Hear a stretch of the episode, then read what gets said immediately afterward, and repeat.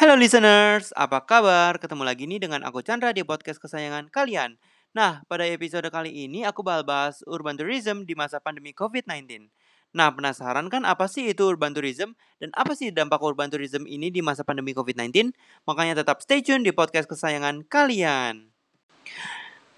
Nah, urban tourism atau dengan kata lain wisata kota merupakan salah satu jenis kegiatan wisata yang paling diminati oleh generasi milenial loh teman-teman. Para milenial sangat menyukai urban tourism atau wisata kota dikarenakan adanya kemudahan akses serta banyak sekali berbagai pilihan atraksi wisata yang menarik dengan harga yang terjangkau. Sehingga hal ini membuat daya tarik tersendiri bagi wisatawan, khususnya generasi milenial. Nah, sebenarnya apa sih itu pengertian urban tourism itu sendiri?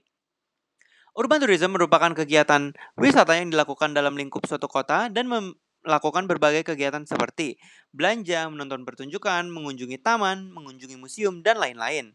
Selain itu, urban tourism juga memiliki berbagai kelebihan, salah satunya yaitu banyaknya destinasi wisata yang terjangkau, bahkan gratis loh teman-teman, seperti alun-alun kota, pantai, dan berbagai wisata lainnya.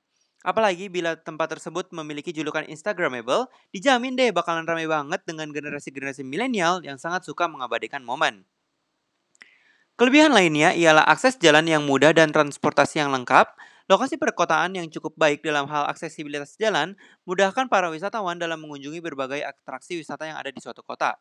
Sehingga hal ini sangat cocok untuk para generasi milenial yang sangat suka kemudahan dalam hal transportasi. Nah, selain itu, kelebihan lainnya yang terakhir ialah memiliki infrastruktur yang lengkap. Hal ini sangat memudahkan sekali para wisatawan, apalagi di dalam suatu daerah tersebut, banyak fasilitas publik seperti tempat ibadah, toilet, SPBU, bahkan wifi di tempat umum yang sangat memudahkan dalam berwisata.